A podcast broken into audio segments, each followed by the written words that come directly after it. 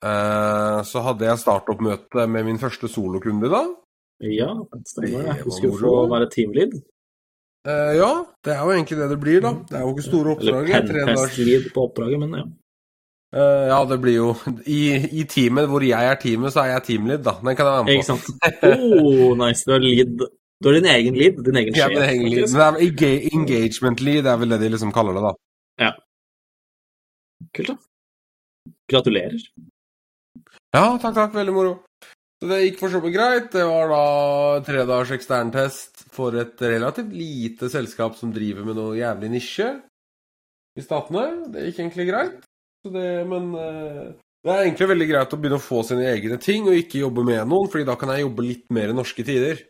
Når jeg jobber med noen, så typisk så blir det til at jeg sover veldig lenge og sitter oppe veldig lenge. Og nå som kunden ikke har noen preferanse på når ting, ting skal gjøres, Ikke sant? så er det liksom eh, ekstremt deilig, da, å, å jobbe når man vil. Kan jeg liksom Mm. på. Men så er det en del mer ansvar da, med rapporteringer som skal inn, og så er det alle disse, disse e-postene og oppfølgingene og ansvarsforhold og sånn som er litt annerledes, som jeg liksom ikke er helt vant til å sitte på helt alene. Så det blir spennende. Det er moro.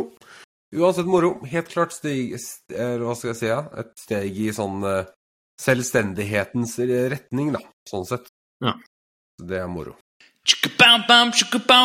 Woo!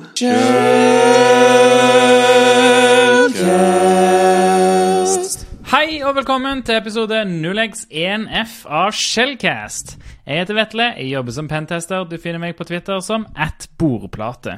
Jeg heter Eirik, jobber som penetrasjonstester, og du finner meg på Twitter som 0xsv1.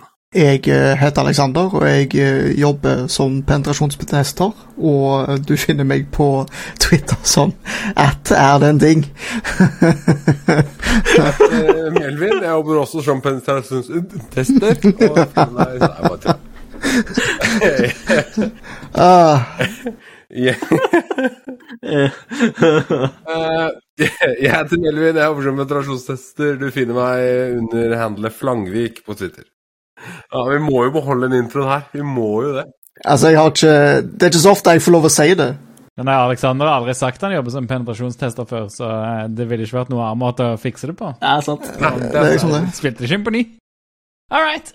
Eh, Jeg vil nevne, som eh, forrige episode, at, at Nelson Check har en, et nyhetsbrev som heter Kryptisk cybersikkerhet, som kommer hver søndag. Det er utrolig interessant. Det, er, altså, det popper bare opp i innboksen din, og så leser du det mandagsmorgen. Det er kjempegreit. Det er ikke noe bedre å gjøre mandagsmorgen enn å late som at du tror du jobber. Uh, så, så gå inn, abonner på det, les eh, interessante ting mandagsmorgen i stedet for å gjøre kjedelige ting mandagsmorgen, og uh, leve et godt liv. Nice. Nøkkelen til å leve et godt liv er å høre på Kryptisk cybersecurity av Nelson.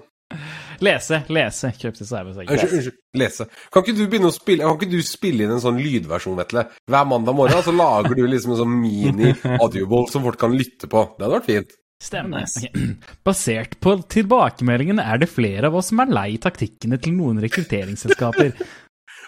Så deilig. Jeg ble liksom så beroliga med en gang. Jeg gleder meg da. Gleder meg til mandag. Våkne opp og høre på nydelige stemmen til Vetle.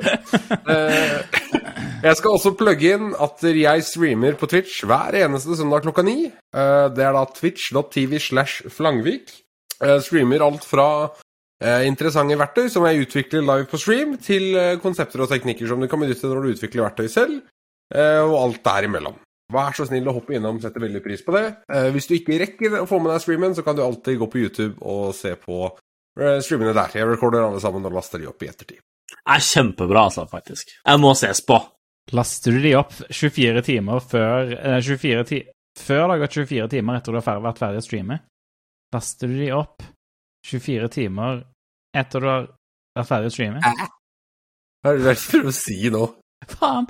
Twitch I eh, Twitch sin Terms of Service så har, ikke, så har du ikke lov til å laste opp noe du har spilt inn på eh, stream eh, før det har gått 24 timer. Vi kan ta altså don, don. er. Jeg skjønner ikke hvorfor det er sånn. I'm a bad boy. Jeg leser ikke og tenker ikke på terms of service. Fuck that, liksom. What? Terms of Service? I live on the edge. Adrenalinet når jeg laster opp ting for tidlig, det er liksom Åh, det, Oh. rister, det er deilig. Fy faen. Du har liksom folk som selger iPhones og våpen på dark web, og så har du deg som laster opp ting for tidlig på YouTube. Ja, ja, ja. Oh. Sitter der og bare laster opp med en gang. Bare se på den Terms of Servicen brenne. Apropos brenne, i det siste så har jeg brent en del kalorier. Fy faen, ti av ti transition, altså. Whoop, whoop. ja, det er nice. Den er fin. Så uh, det var da du som inspirerte meg, Erik, til å skaffe meg en slik en, så kanskje du skal få æren av å introdusere konseptet? Ja, er det, er det mølla vi skal inn på, liksom? det er mølla, ja. Det er mølla. Er mølla, yes.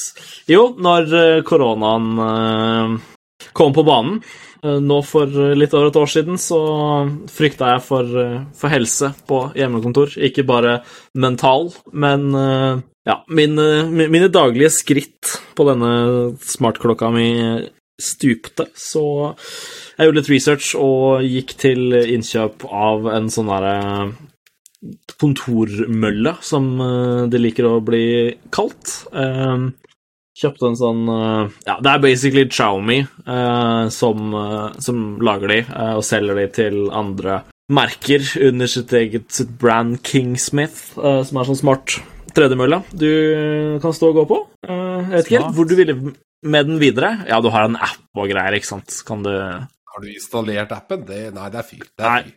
Jeg har faktisk ikke det, altså. Jeg har faktisk ikke det. Den står eh, Nei, den har ikke blitt kobla til noe som helst. Det, Så, så det er Xiaomi vi snakker om, så Greia var at helt siden du fikk den, så har jeg også hatt lyst på en sånn. Ja, sikla litt. Men, men det hadde jo også hele jævla Norge, så det var jo umulig Ja, å få tak i en. Altså oppriktig umulig å få tak i.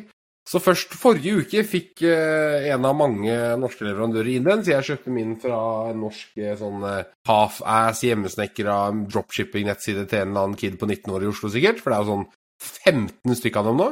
Du beskrev uh, nå, som jeg regner med du har bestilt den fra. Ja. Det måtte være sånn. Du, kunne, du klarte liksom ikke å Frem, Fremtids-Elisabeth, jeg trenger en beep. Trenger en Ja. solid beep der. Ja. Ta oss og beep den. Jeg gjorde den samme researchen, for å si det sånn. Uh, han bor rett utafor. Ikke vær så Vi kan blipe ut det her òg. det, altså, det var egentlig ikke veldig half-ass, da, men greia er bare at det er så mange av disse half-ass-sidene Ja. som er liksom dropshipping. De setter opp en nettbutikk, og så bestiller de bare dritten på Ali og sender den hjem til deg. Liksom. Ja.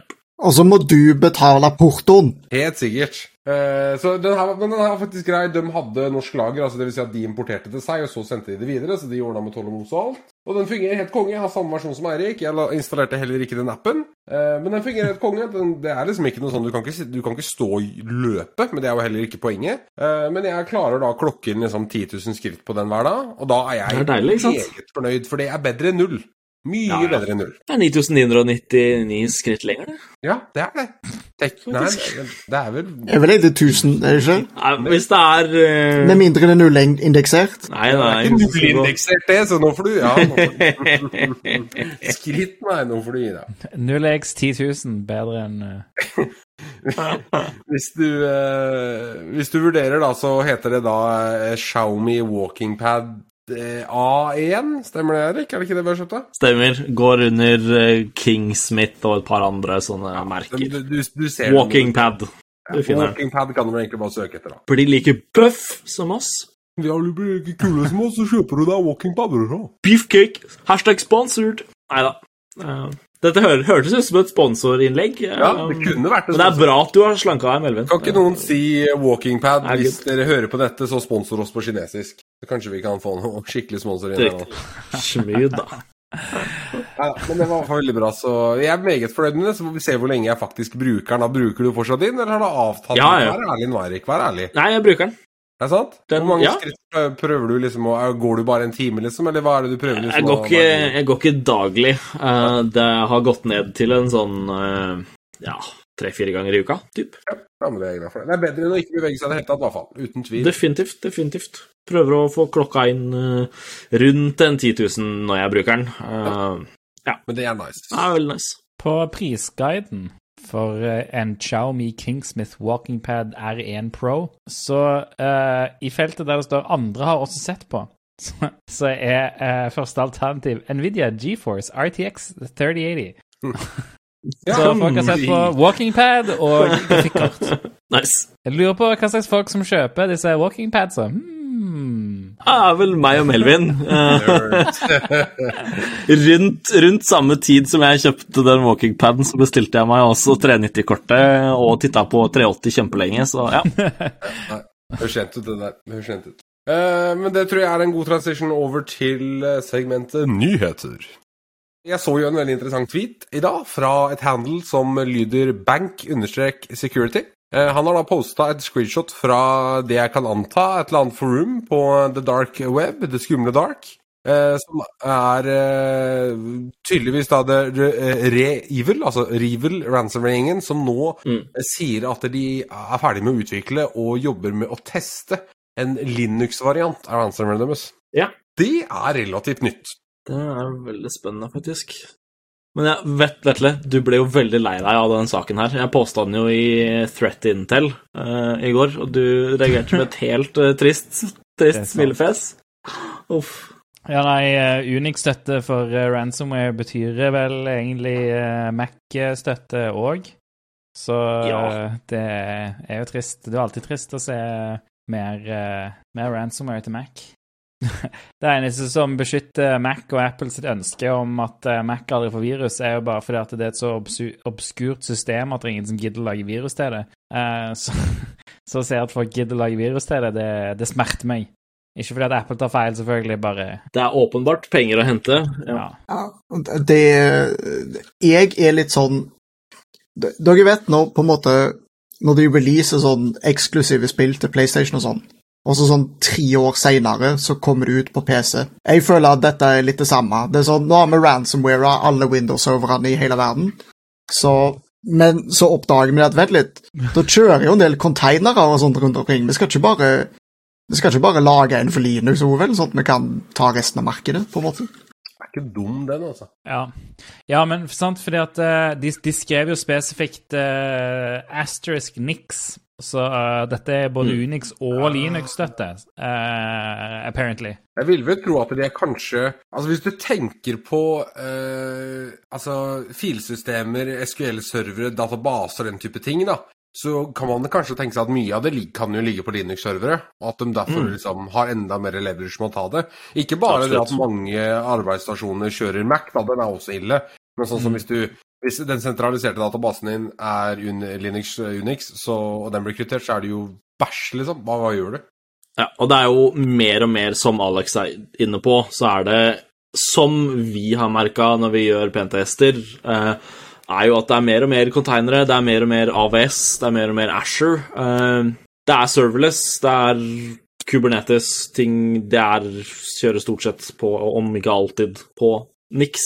Og Ja. hvis de klarer å buste sånne type moderne selskaper så, som ikke kjører en tradisjonell eh, AD on-prem-infrastruktur eh, lenger, så må de jo få ransom av de på en eller annen måte òg. Eh, det er jo niks eh, logisk neste steg, liksom. Som Melvin sier, for å faktisk ta de databasene og ja, sånn type ting som kjører i skyen, spesielt på plattformer som AVS og GCP og Asher og sånt. Så. Mm. Smart business. Eh, bra business for oss også, selvfølgelig, men det er jo kjipt, da. Det kommer jo til å få følger, liksom. Definitivt. Og ikke minst alle IOT-tingene som kjører niks, som eh, kan bli ransom av det her. Jeg har ikke tenkt på det. Kanskje vi ser en eh, ny versjon av ransom som utnytter dataen fra IOT-enheter til å presse penger, ikke krypterer. Altså, jeg vet ikke Ikke sant? Ja. Vil du ha kjøleskapet ditt tilbake, så vips 100 spenn eh, til denne adressen. Nei, men en ting som, som slo meg, hvor mange databaser er det som kjører på Windows-basert stuff lenger, egentlig? Alt av MS-SQL, i hvert fall. MSQL, liksom. Nei, MSSQL, det, stort sett. Du kan jo velge å kjøre så å si alt annet på Windows også. Ja, ja, men, men du Men- kjører liksom ikke jeg har, jeg har ikke hørt om så mange som kjører MongoDB-databasen sin på Det kan jo basically være at ok, greit, vi har tatt en del filserver og litt sånn eh, Excel-stuff, men hvis du vil virkelig på en måte ta business-logikken til folk og ta databasen og sånn, så må du vel kanskje Det hadde vært skikkelig shitty, liksom. Og veldig mye backup-servere. Ja. Veldig mye backup-servere er også Nix. Eh, så det er jo Kan jo være litt aima for å også ta de kundene som uh, bare Ja, men ha-ha, sure, vi har backup, vi gidder ikke å betale. Uh, hvis de også faktisk klarer å ta de uh, ut av on-prem domene Nix-serverne som det blir kjørt backup til, så er det good, det òg. En annen ting er jo at der, nå har det begynt å komme det siste, da, men EDR-løsninger og sånn er jo ikke nødvendigvis kompatible med Linux til var tid. Jeg vet vel Nei. at Windows, Windows Advanced Threat Protection fikk jo bare helt nylig agenter til Linux. Mm. Det er sant. Jeg vet at Cyberreason og Silence har det, i hvert fall, men det er liksom Det er jo det er få. Ja. Det er langt ifra majoriteten av markedet, ja. Ja, nei, Det er jo hele den bring your own computer-modellen nå, der mange sikkert har med seg Mac-er og, og, sånt noe. Mm. Og sånt noe. Mac og de som gidder å bruke Linux på desktopen. Jeg holdt på å si Sodfish. Det finnes jo uten tvil måter å integrere Linux-sentratisering med, med, Windows Curvos f.eks. Men det vil bli interessant å se hva for noen teknikker de vil bruke for å massedeploye det her på Linux-maskiner som ikke er attacha til uh. AD f.eks. Altså mm. Av, avhengig av å kompromittere uh, noen SSH-keys fra en admin, vel, mistenker jeg, for å massedeploye det. Typ, ja. Veldig trist, men også veldig interessant. Men det er interessant å se hva de Altså, bare det å se at de skriver om, uh, om Nix, da. At de ikke sier liksom spesifikt mm. Unix eller Linux. Uh, om det vil si liksom uh, Skal de støtte for FreeBSD, eller Altså Det er jævla weird, da. Jeg skulle til å si telefoner, da, for faen. Ja. Jo, men hva Altså, telefoner er ja, Da vil du bare skrive Android, vil du ikke? Ja, jo, men uh, Du kan jo kalle Altså, IOS er jo teknisk sett et Unix-system, men uh, hvis du det er ingen som targeter jailbroken iPhoner, for det er så lite marked. Altså, et, et løsepengevirus er jo i praksis egentlig bare at du krypterer en disk. Så spørsmålet er bare hvilke Altså, hvis du skal gjøre sånn det er recoverable, så vil du jo egentlig bare ha Må du støtte filformater og Eller du må egentlig ikke det heller, du må bare kryptere bites, egentlig. Så i teorien Tja. Ja, tja, selvfølgelig. Det er jo øh, Det er jo litt sånn stuff, men i teorien så burde det jo ikke liksom Altså, har du kryptert én Unix, altså én EXT-disk, så har du kryptert alle, på en måte. Sånn. Det kan jo være interessant om vi begynner å se ransom. Det finnes jo sikkert, da. Men reelt targete ransomware på telefoner altså Hvis du ser for deg organisasjoner i dag, så har de knytta telefonene opp mot uh, Intune og managementtjenester via Windows. da, Se for deg masse deploy-pakker mm. til alle selskapets telefoner som krypterer. Da snakker vi altså et nytt nivå av fucked, liksom. Du har fucked, og så har du fucked, og så har du fucked. Når liksom Mac-en din, Windows-maskinen din, FTP-serveren som kjører Linux og telefonen din er kryptert. Det er liksom Jeg vet ikke om det er noe realistisk vei til å kunne eie Det er ikke noe realistisk vei til å kunne eie all data på en iPhone, f.eks. Med mindre du har en zero day, da. Nei, du må ha, du må ha en, eh, en, en, Hva skal jeg si? Jeg vet ikke ordleg, altså jeg vet ikke benevnelsen av det, men du må ha en jailbreak som fungerer på altså one click jailbreak, da, type ting. Ja. For, å kunne, for å kunne nå dataen. Ja, og det krever jo for så vidt uh, flere Zero Days, da, um, å, å, ha ordentlig. Det gjør det jo på Android òg. Android òg er jo containerized på et eller annet vis. Mm. Men uh, om det er like, like, mye, det er jeg ikke helt sikker på. Android skal jo være åpnere, da. Uh, og jeg vet ikke om MDM, på, altså Mobile Device Management, på Android type gir root-tilgang, da. Men, uh, men, heller så, så er det ikke så mange selskaper som spesifikt krever Android. Det er ikke sånn at det, det er mange selskaper som sier hvis du har, hvis du har, eh, hvis du har mobil hos oss, så må du bruke Android. De fleste er liksom du kan velge Android eller iPhone, og, og da går de under Mobile Device Management. Men jeg tror ganske mange selskaper òg er eksklusivt IOS, og da får du ikke ransom av det, basically, i det hele tatt. Det er, det er nesten ingenting å gjøre med det. Uh, nei, en av mindre du Men det eneste som er litt skremmende med at disse aktørene er jo søkkrike. De har jo masse penger.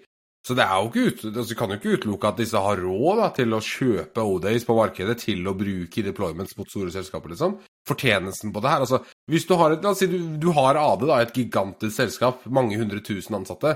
Du vet du kan pushe package til telefonene deres. Da kan du bare regne ut investeringskostnaden på å kjøpe den OD-en du trenger, da, implementere det for å så sant, presse ytterligere. Jeg bare, bare tenker høyt. Det kan godt hende det er en dum tanke, Men, jo, men de som eh, lager ransomware, er ikke de samme som deployer det. Sant? Du kjøper jo ransom du Ja, kjøper... nei, men altså Unnskyld, da, de fungerer jo som en samla enhet, da, men ja, jeg skjønner hva du mener. Det vil jo Det er forskjellige service providers. Noen provider uh, selve ransomware, noen uh, står for initial access, noen står for support og chattinga med selskapet etterpå. Men da, jo, da kan det jo være en service som supplier disse gjengene med, med O-Days, da. Jo, men sånn, De som utvikler ransomware, er, er jo en totalt egen gjeng, sant? De har nok jævlig mye penger. De som utvikler er nok, eh, har nok mye penger som de har tjent på det. Men for de så er det ikke lønnsomt å kjøpe Zero Days. Og for de som kjøper Revil, så, uh, så er det ikke sånn at de er like rike som de som utvikler det. De vil jo bare ha liksom normal threat actor uh, Skal vi si penger. Men åssen vil bare ha brød på bordet, de. Ja, Vil bare få betalt. Du vil bare ha noe, Ja, ja. mens du vil ikke alle Ja, ja. men men åssen fungerer det hierarkiet i forhold til uh, Ok, vi antar at det er de som utvikler, driver mest. Er det fordi de håndterer overføringen og derfor får en snag av cutten, eller hvordan fungerer servicemodellen her? Vet vi det? Hvorfor har jeg kjøpt noe skikkelig godt ransomware, liksom? Gutta, la meg tro Nei, men sånn, altså, Da er det jo Hvis, hvis eh, Ok, jeg, jeg vet ikke, da, så la, jeg er hypotetisk. La oss si eh, jeg skal kjøpe ransomware. Fordi jeg har klart å hacke et selskap. Uh, Unicef, for eksempel. Da. Nei, jeg bare tuller. Det har vært veldig typisk Sticky Salmon. Ja, Norske APT. Det er sånn generisk Sticky Salmon-ting. ja, men la oss si La oss si uh, Nå mista jeg jo det helt. La oss si ok, la oss si jeg har kjøpt Initial Access av en fyr. eh, Jeg har kjøpt ransom. Eh, Så er det jo jeg som får utbytte av ransomminga. Så de som eh, lager ransomen, tjener jo bare på lisenskosten, da, på å få tilgang til paneler osv. Så, videre. Mm. så er det ikke fair å anta at de som gruppene som står bak, altså Ville ikke de tjent mer penger enn selve de som supplier ransomen? Det går nok relativt opp i opp, Ja, vil jeg se for meg. Eh, Det er åpenbart at det vil koste veldig mye penger å kjøpe tilgang til sånt, men de som utvikler og selger verktøyene, rett og slett, de driver jo business på lik linje som andre utviklere gjør. De tjener jo penger på å selge et produkt til mange, og ta liksom en OK pris for det i sitt marked, og så selger du til veldig mange. Og så lever jo de på at kundene deres er happy, selvfølgelig, og så kommer de tilbake igjen, og så må de ha lisenser, og så må de support, og jada, jada. da. De store pengene som vi hører om i media, er jo disse liksom 50 millioner ransomene som mange av de gruppene tar. Eh, og hvor liksom mye nødvendigvis av mil millioner de har betalt for det og tilgangen og sånn, det er jo sikkert en del på mange store selskaper, men jeg vil se for meg at store andeler av det vi hører om, og liksom de svære summene sånn sett, går jo til eh, liksom siste leddet-gruppene som faktisk gi- utfører det. Eh, men det er sikkert mange av disse kriminelle nettverkene som har litt eh, som har litt sånn payback reward-løsninger og, og sånt mellom seg. Eh, Jeg tar alt tilbake. Jeg leser her at uh, Revil-gjengen tar Altså, the developers receive et 20-30% cut. Ikke sant, der har de kickback, yes. Og så får de da, de som faktisk har utført angrepet, mellom 70 og 80 da. Så det er derfor disse er så forbanna wealthy, den gjengen her. uh, mm. Det er jo business, rett og slett. Ja, ja, det er business. Du Helt vanlig software-business, dessverre. Uh.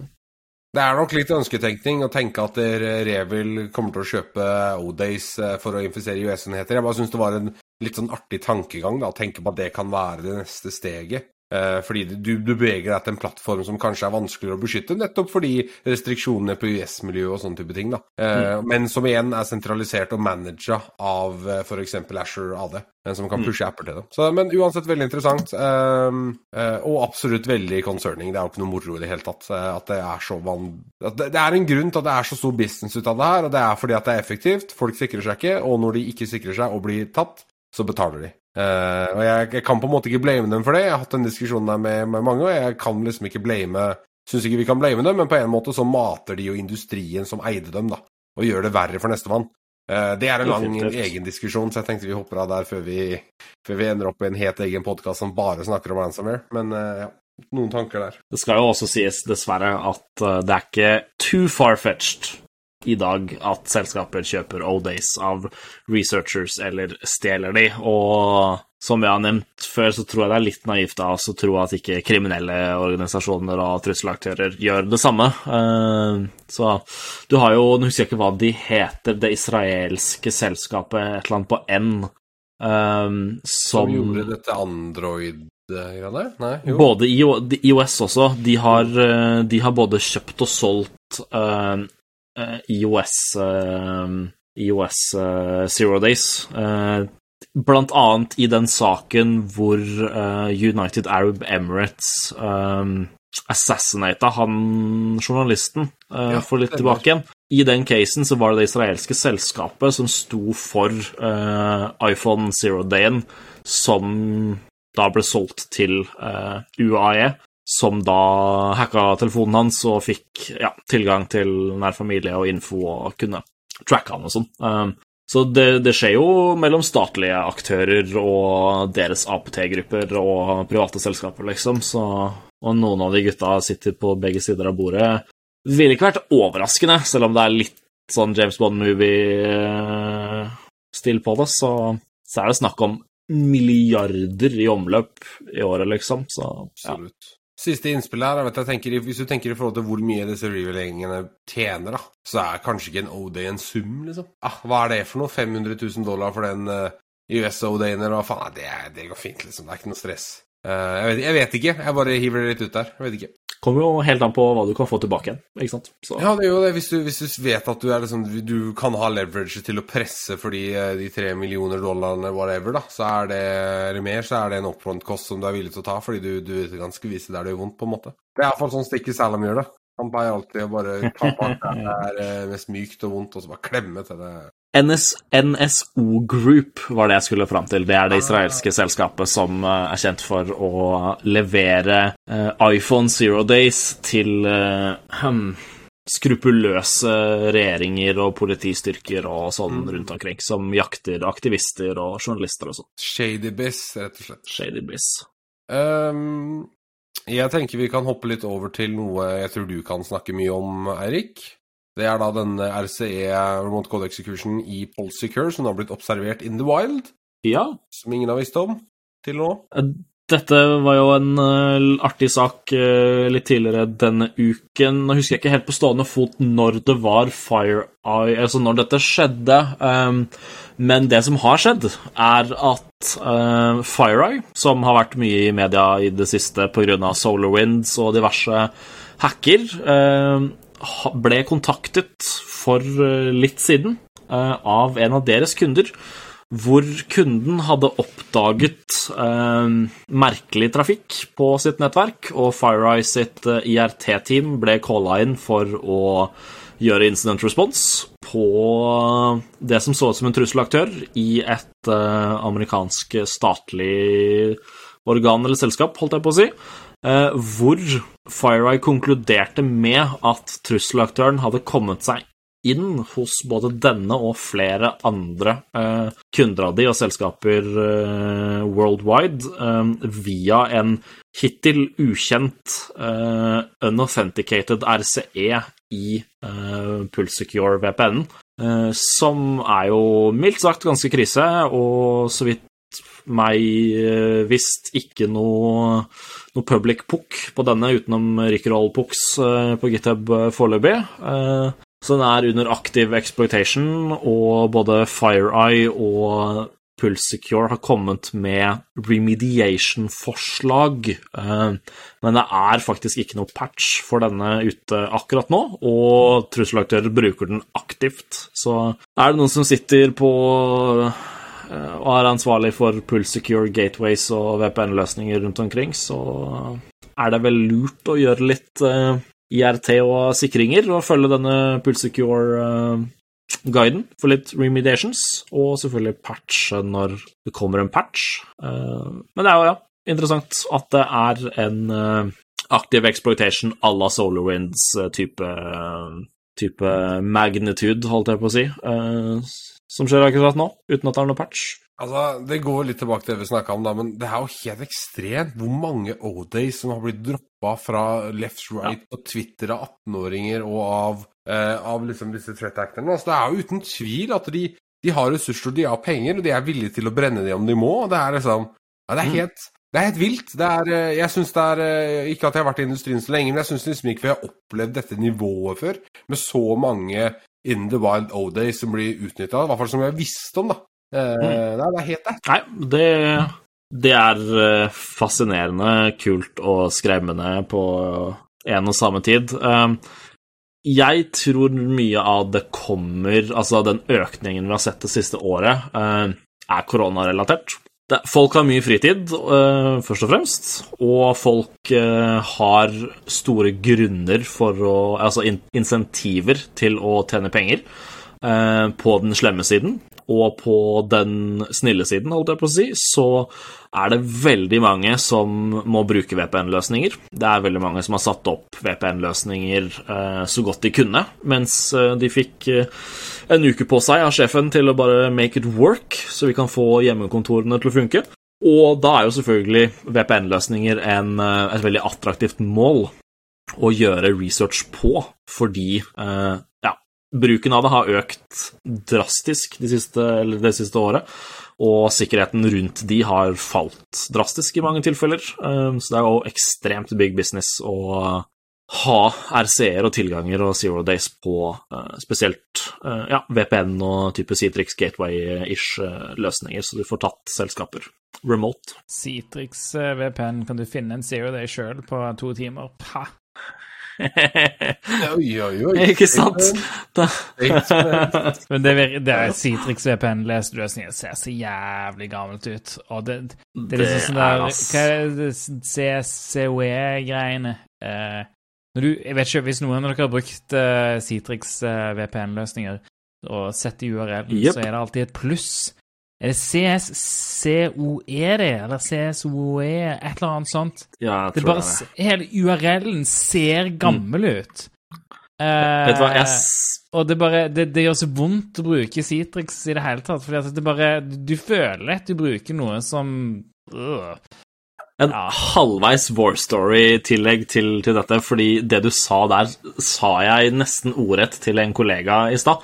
Uh, fordi vi sitter på en uh, norsk Red Team, holdt jeg på å si, og så tester vi en kunde som har uh, et litt urovekkende antall eksternt eksponerte uh, VPN-løsninger. Uh, og nå er det åpenbart at det er Citrix vi snakker om, da. Uh, så du har liksom jeg har jo gjort uh, ekstern recon på de i bøtter og spann og funnet massevis av uh, eh, VPN-test og applikasjon-test og ekstern ditt og bla, bla, bla på, på denne kunden. Um, og jeg satt og sa til en kollega av meg i stad at se på det her. Se hvor um, rart og dårlig bare det her ser ut. Dette mm. her er de vant til å se.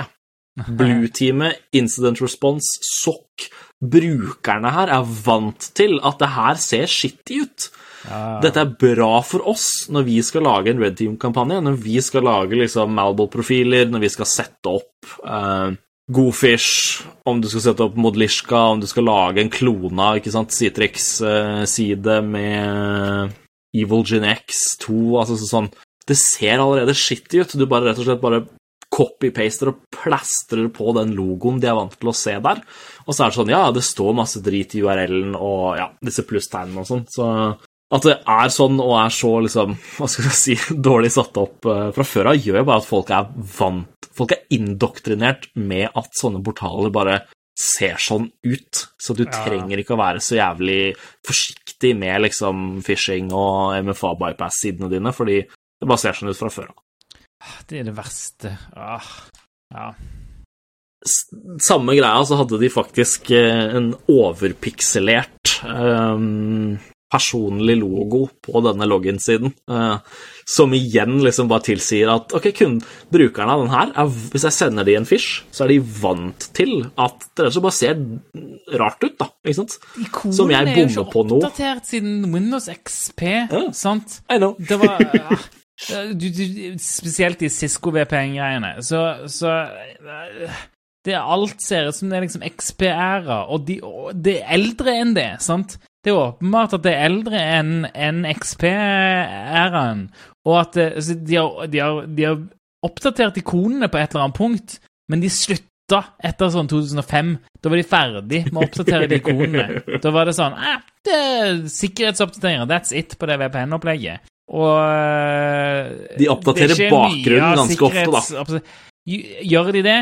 Gjør de det? Det virker som om, det virker som om hver gang det er en vulnerability Fordi at så det det er ikke sånn at jeg ser vulnerabilities til, eh, til Cisco VPN så ofte, men hver gang man ser de, så er det et eller annet sånn jævlig dust greier.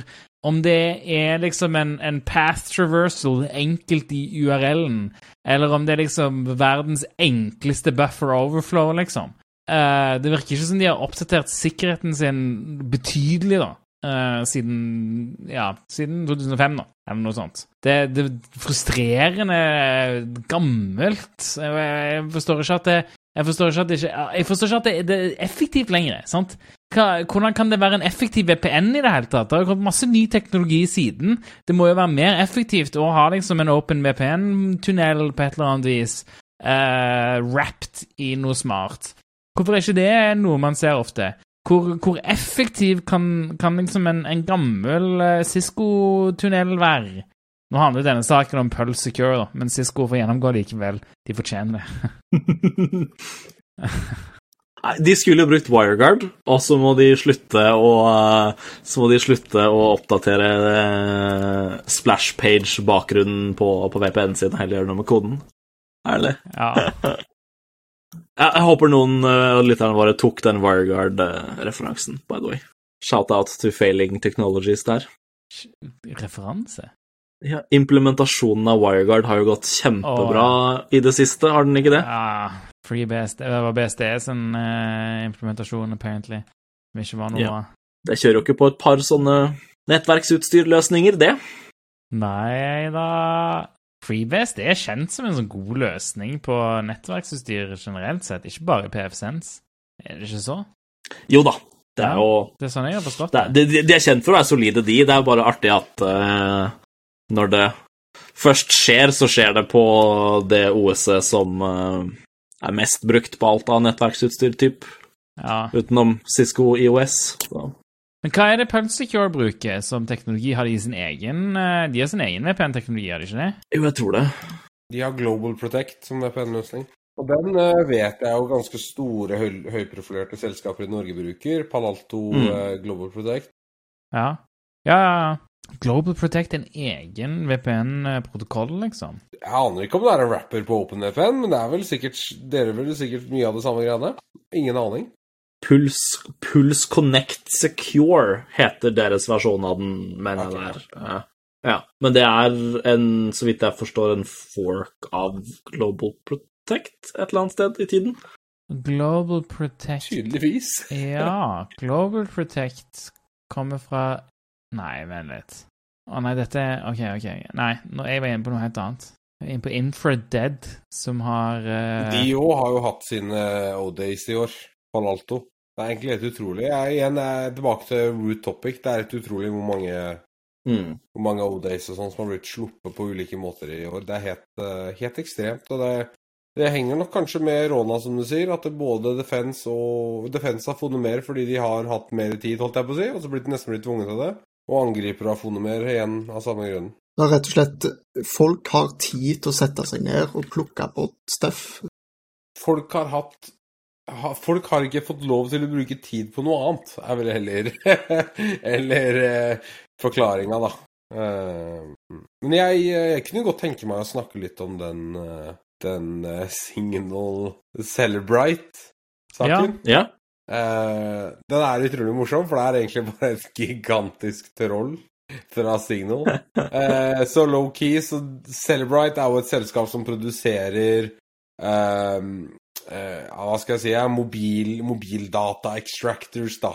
For typiske, ikke nødvendigvis retningstjenester, men politi og, og den slags, da, som lar deg extracte data fra masse forskjellige typer mobilenheter inn i et eget filformat, og så kan du lese gjennom data da, ikke sant? Så hvis politiet får tak i telefonen din eh, og låser den opp, så vil da Celebrite kunne hente ut data, og så kan de liksom altså med litt struktur da, gå gjennom dataene du har tilgjengelig. Nevnt tidligere på podkasten, blant annet. Ja. Med Kripos og sånn som har uh, brukt det uten helt lov og greier. Men ja, I, di- I, I diverge, yes.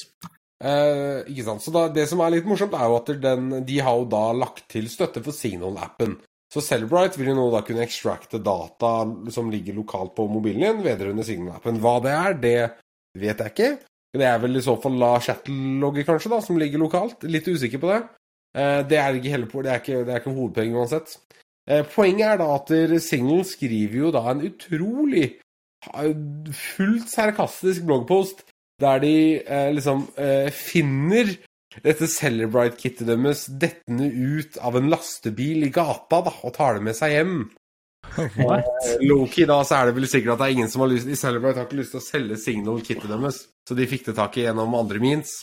Sikkert gjennom da en eller annen third party til third party til third party, men de skriver på nettsiden sin Fell off a truck. Ja, ja, de skriver I was recently out for a walk when I saw a small package fall off a truck ahead of me. As I got closer, uh, uh, the dull enterprise typeface slowly came into focus. Celebrate. Så de har liksom trolla litt der, da.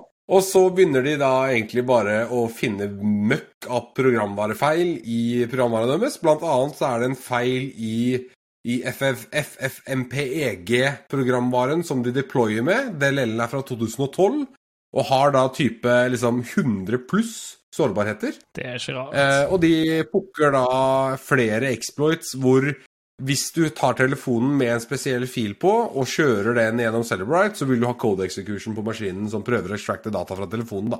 Som et gigantisk troll. eh, og så, ja, det er litt lættis, da. Og så skriver de til slutt eh, eh, A completely unrelated note. Uh, in completely unrelated news, upcoming versions of Signal will be periodically fetching files to place files to places in app storage. These files are never used for anything inside Signal and never interact with Signal, but they look nice. Det er liksom, så troller de da med å bruke hele implementasjonen av Signal-extractinga i Celebrite da, med å deploye masse decoy-fyller rundt på hele filsystemet. Det er jo ja, det er så morsomt å se et selskap. Og vet det sier så mye om kulturen til Signal. Jeg får lyst til å bruke Signal når jeg leser den artikkelen her, fordi det er liksom Det er en så gigantisk halvshady grå eh, fuck you-finger til, eh, til, disse selskapene. Jeg syns det er utrolig morsomt. Jeg anbefaler alle å lese den bloggartikkelen, både for tekniske detaljer, men også en laugh, en reell laugh. Uh, ja, nei, så den anbefaler jeg. Ti av ti morsom, faktisk. Ti av ti morsom, ja. Det, det er bra humor. Det er veldig bra humor. Ti av ti morsomme. Ja. Ti av ti would laugh again. Jo, men det, det er noe med det å, det å kunne bruke Altså, det, det har jeg tenkt mye på. Eh, å, å exploite Altså lage virus, da, i, i programvare som ikke nødvendigvis er liksom uh, exe-filer. Sant? Lage virus i type Mm. Det må være dødsenkelt å finne en vulnerability i type en, en emulator for eh, spill, og så bare gi ut eh, spillet, da, til emulatoren, sant? Hvis du Altså, interpretere er noe av det enkleste å finne vulnerabilities i. Typ FFmpeg, for eksempel, er det lett å finne vulnerabilities i, fordi at det er en interpreter av en haug med forskjellige filformater. Det FFmpeg er for, å interprete filer og, og spytte ut nye.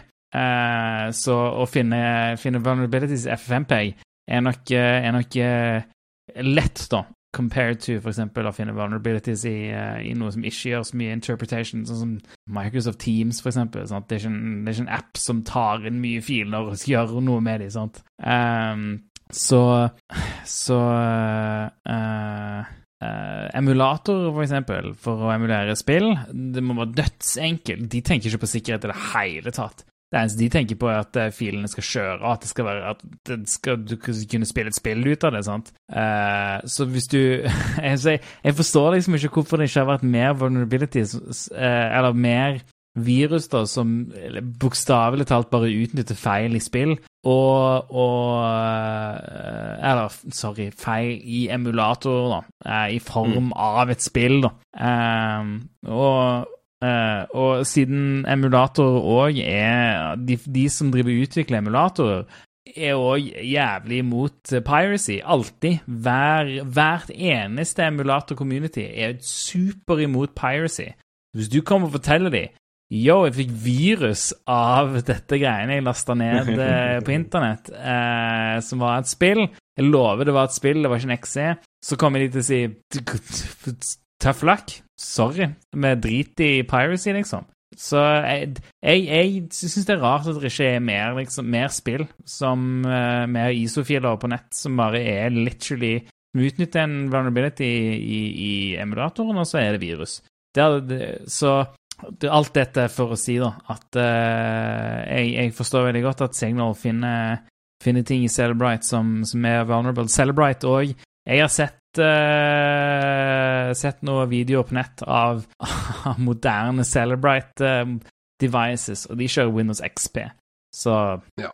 I mean Utdatert software? Ja, absolutt.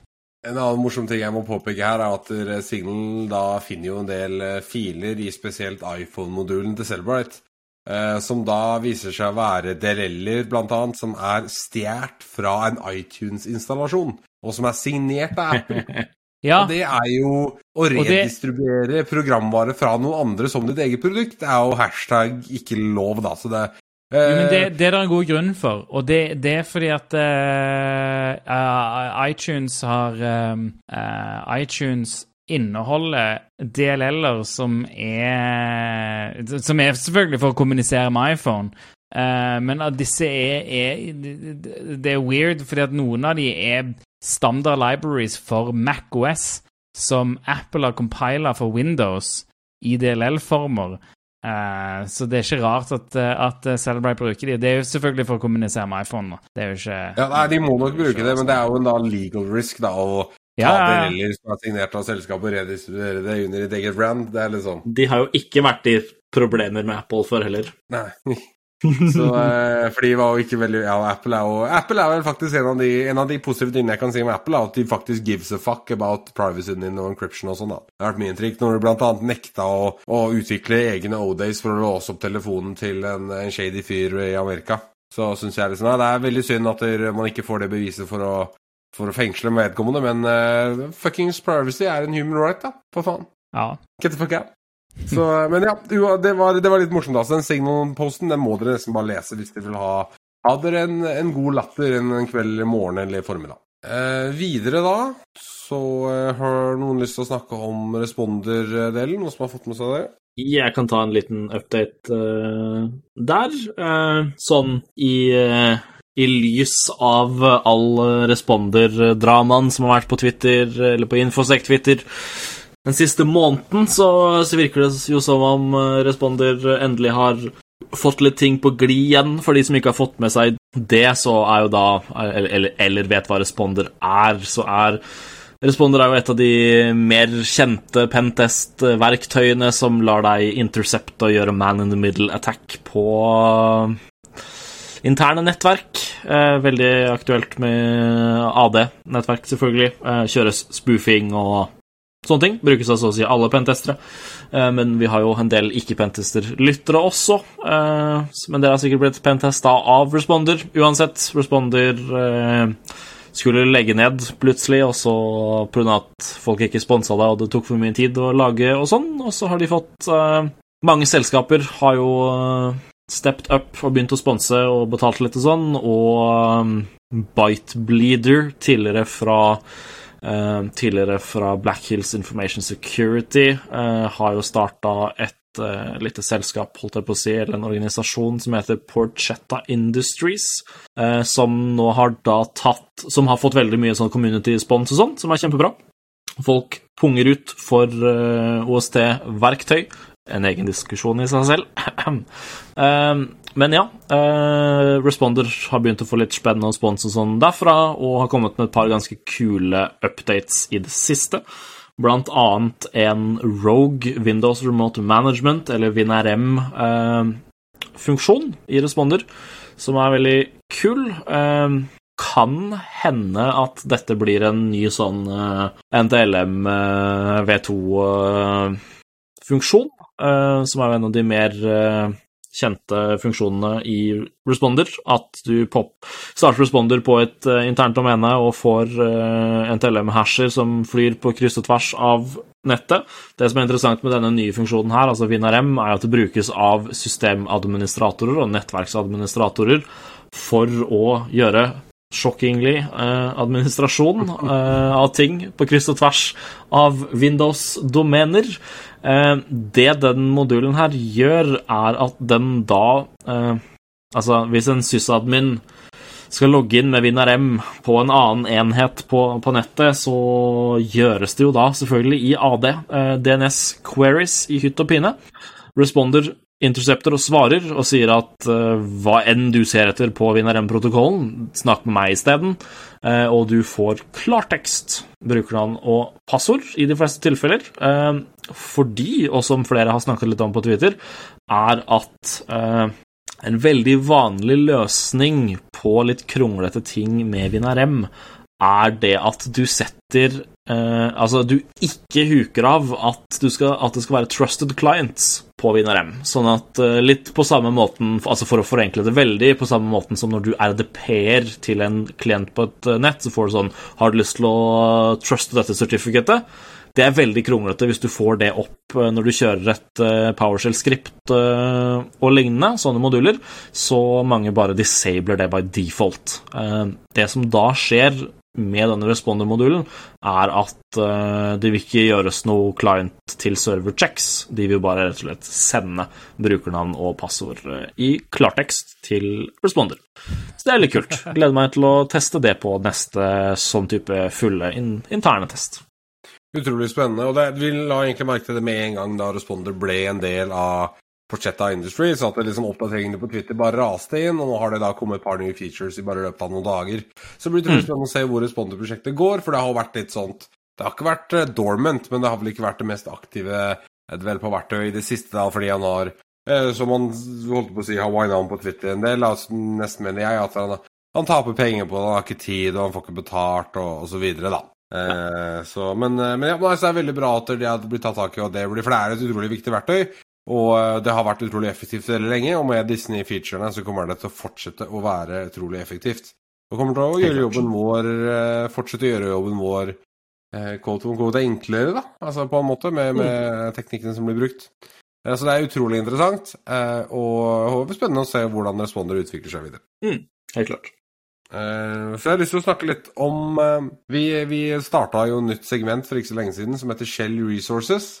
Eh, som jeg tenkte jeg bare skulle eh, raskt nevne. I dag har vi tre resources på lista. De finner du da under eh, shownotes, altså descriptions på podkasten. Um, du har et, et, tool som heter Heter Du har, Jeg heter Melvin og jobber i et amerikansk selskap. Du har da resources som heter så nå skal vi snakke om facial Resources. Nei da. Det er det som heter uh, Saurons Eye, eller Saurons øye på norsk. Gå, er, det en god, er, det fornøyd med uttalelsen der? Det er så bra. Det heter Saurons øye. Ja, det heter Saurons øye. Ja. Og det er da et, et, et masse lookup-verktøy i C-sharp som lar deg søke i annet eh, Excel og andre standardiserte formater etter tekst. Så hvis du f.eks. sitter på masse åpne filsjeler Sjeler? Jeg klarer ikke snakke, da. Masse åpne fileshares, og du ikke har lyst til å gå gjennom manuelt, så kan du bare peke Sarons Eye uh, på disse, og så vil den da indeksere og søke opp i alle filene som ligger uh, basert på extension. Det kan være super, superinteressant og supereffektivt i å finne uh, plaintext-brukernavn og passord, uh, API-nøkler, altså connection strings til ulike ressurser, whatnot, da.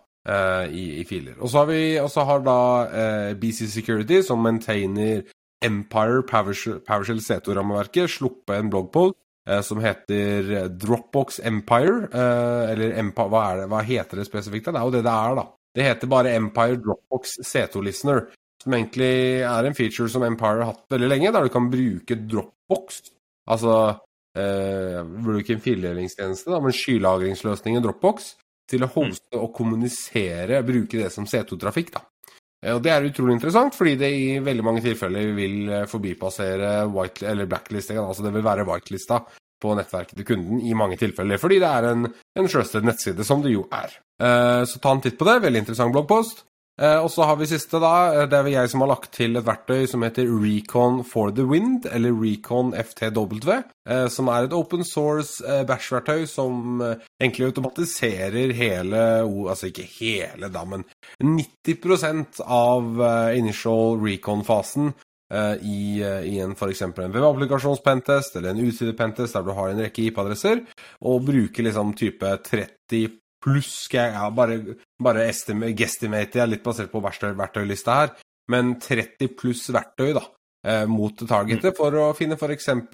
Eh, ukjente subdomener, ukjente directories, hvilken tjeneste kjører, XSS eller FI, SQL, eh, SSL-tester Altså, ja, the list goes on. Ta en titt på det. Igjen, det, alt dette kommer til å ligge i eh, shownotes under description for podkasten. Eh, Recon FTW. Og det er jo egentlig de ressursene vi hadde med i dag, som vi har posta internt til Kjell. Ja. Veldig bra verktøy.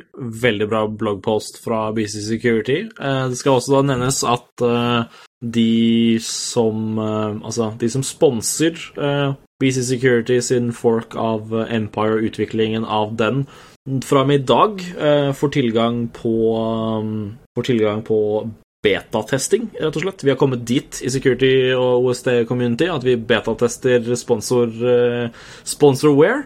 Uh, jeg har titta litt på det i dag, uh, og det er, det er, veldig fett, for de har gjort en nesten Jeg vil ikke si nesten altså det, det, det, er ikke en hel rewrite av Empire, men BC Security som tok på seg Empire-prosjektet etter at det ble skrinlagt for nå to år siden, typ, eller halvannet år siden, har nå gjort nesten en, ja, en halvveis 50-60-70 um, rewrite av hele rammeverket og driver uh, daglig og uh, implementerer C-sharp i Empire, um, som er veldig kult. Og i praksis, sånn som de har løst det, er en YAML-implementasjon uh, for, uh, for, moduler og sånn, og så har de basically inkorporert hele eller C-sharp-spesifikke eh, delen av, eh, av, Covenant inn i Empire, eh, så du kan kjøre da Covenant-moduler flat out inn i Empire. Kjempekult. Og alt da selvfølgelig av C-sharp